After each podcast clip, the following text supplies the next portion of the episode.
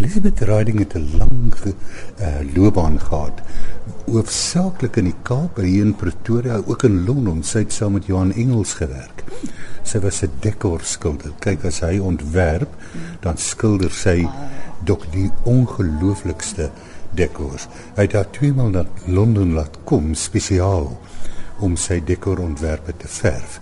En sy het dit nie net passief gedoen nie, sy het meegeneem in die hele produksie en wonderlike produksies en toe jare gelede het sy besluit sy wil nou heeltemal op haar eie gaan. Mm -hmm. En toe het sy begin skilder, hoofsaaklik naskildering van beroemde meesters. Maar Elisabeth se naskildering is nie bloot naskildering nie. Ek bedoel dit kos geweldig baie vaardigheid om 'n meesterstuk na te skilder. Kom ons sê te kopieer. Mm. Maar sy doen baie meer. Kyk bietjie na haar skilderye. Sy het met haar kennis van die groot romantiese skilders veral wat sy mal is oor uh, uh, gefassineer is met lig en skadu weer die die Italiaanse renessans mm.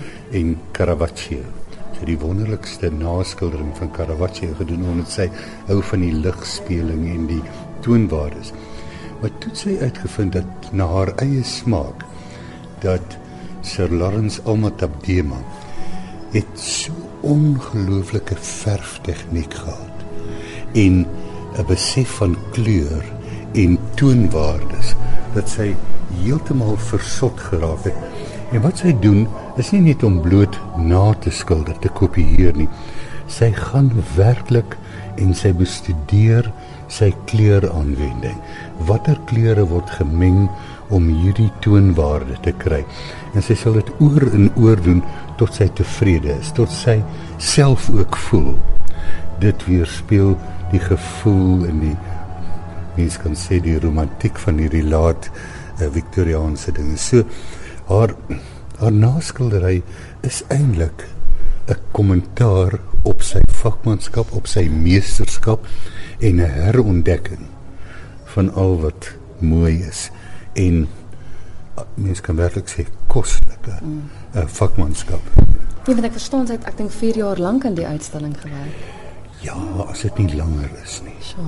Dan werk sy weer en sy nie tevrede nie. As ons kyk na al haar naskilderings wat haar ook van Alma Tadema gefassineer het, is dis eintlik verhale uit die klassieke uit. Mm, mm. Hier is byvoorbeeld die vrouens maar in laat wat ons sê romantiese klere, maar hulle wag op die tuiskom van Odysseus. Mm -hmm.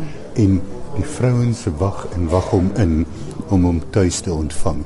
Hierdie byvoorbeeld is die verhaal van die keiser wat die vrouens wat hy liefgehad het, ek weet nie waar onder blomme versmoor het.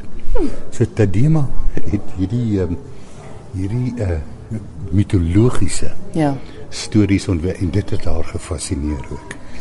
So dis die kuns, dis die tegniek, dis die kleuraanwending en ook die storie. Ek wil ons moet gou praat oor die tegniek want ek het nou tot daarna gekyk het dit dit lyk soos sy. Dis so 'n sy-agtige, ek weet nie hoe om dit te beskryf nie. Mens moet sien hoe Elisabeth werk. Sy begin met die met die naskildering, met die onderlaag. Dan is daar dit lyk of dit so net gladweg is. Ja. Hier is onderlaag op onderlaag. En fyn kwaswerk. Hier is nie 'n merkie. Kwasmerkie soos stadium want sy werke dan syagtig. Hmm. Jy het die woord genoem syagtig. Sy bring daai syagtigheid in die velteksture en die dinge en dit is nie net eenvoudig maklik gedoen word kyk hier is Dit is presies wat jy nou sê, ekskuus, mens sien nêrens 'n kwassaal nie. Nee. En by Tadem, dit is 'n kenmerk gewees van die van die Renaissance skilders, maar veral die later eens. Mens kry dit ook by die uh, by die Pre-Raphaelite. En hier is 'n voortsetting in my idee van die Pre-Raphaelite. Die ander ding is kyk, hier is byvoorbeeld 'n voorbeeld. Nie al die skilderye is in die totaal afgewerk.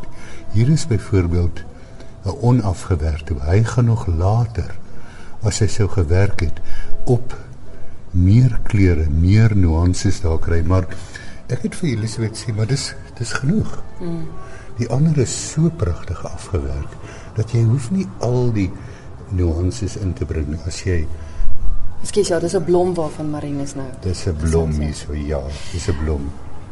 Wat my persepsie van olie is hmm. dat dit hierdie hierdie dik oh, dis hoekom ek so verbaas was toe ek gehoor het sy werk nee. in olie want dis fenomenaal. Nee, in die tegnieke van die klassieke skilders. Ja, is nie. Is daar nie hale nie. En wat ek jou nou gaan wys is juist so interessant, né? Hier is geen haal. Dit is en die mense kan sê nou goed, dit is ander skilders sal miskien dit met hulle vingers sag maak. Hmm. Sy doen dit nie. Sy doen met fyn kwaswerk. Toe juis om die kontras mm -hmm. te mhm. wys van hierdie ongelooflike verftegnieke het sy toe 'n paar van Gogh skilderye ge, geskilder want dit is die begin van die modernisme. En as ek reg is, die kwashale speel baie part in die rol dis Gauguin van Gogh en veral Cézanne? Mm. Ehm um, maar hier is die stil van Gogh uh, skilderye en dis eintlik kritiek. Dis werklik fantastiese naskilder. Ja. Maar eintlik is dit Elisabeth se kritiek op die modernisme dat hulle die ou tydse fyn tegnieke verloor het. Ja. En dis hoekom sy wys Kijk, hier sien jy al die kwasmerke, al die so aan en sy sê dit is 'n eenvoudige verbreeking van die klassieke kultuur van uitnemende kunste van verf. Natuurlik 'n mens moet dit ook besef dat dit was 'n nuwe wending in die begin van die vorige eeu. En dis die dis eintlik haar kommentaar hmm. op die modernisme want dit word nog steeds gesien as realisme. Ja. Maar as mens dit vergelyk met waarna ons nou gestaan en kyk, dit is daar nie eintlik eers 'n vergelyking nie. Nee, en veral nie in die in die tegniek en die uitdruk. Ek bedoel dat Dema sou nooit daar gedink het om hierdie kleure in 'n gesig te sit. Ja. Hy sit die sagtheid van die werklike velkleur ja. uitgebring. Kan jy laat verduidelik dis die een waar dit is mos van Gogh ook. Is ja, almal is Hy het 'n hoed op het en waar daar baie pers Ja, Daar's 'n geel in sy gesig. En streep en hierdie mm. een is die bekende een. Hierdie is 'n is 'n baie ironiese skildery. Dit is 'n portret van die groot kunshandelaar van daai tyd, 'n ene Wollaar. Mm -hmm. En hy het massas van hierdie impressionistiese en nuwe impressionistiese werke soos van Gogh opgekoop, want daar was nie 'n mark vir nie. Mm -hmm.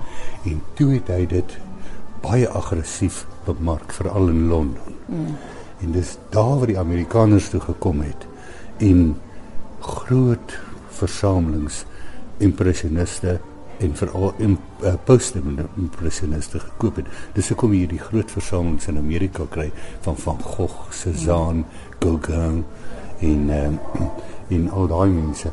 En hierdie was die hierdie portret is van Vollard, die die kunshandelaar.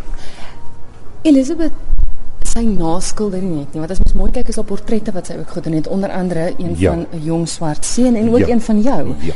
En interessant genoeg, nou wat ek die verskil tussen die twee sien, haar portrette doen sy in in die syagtige sy doen dit nie soos van Gogh se nee, nee, ja. Nee.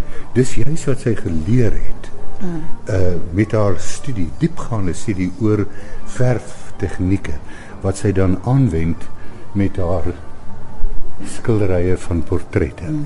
En dis die gevolg dat al die skilderye is absolute kontemporêre of uh, teenswoordige figure, maar dit het die sagtheid, dit die glans, mm. dit het die uitdrukking van Alma Tadema, waar ja. sy dit geleer het. So sy is nie net iemand wat naskilder nie, sy interpreteer ook weer.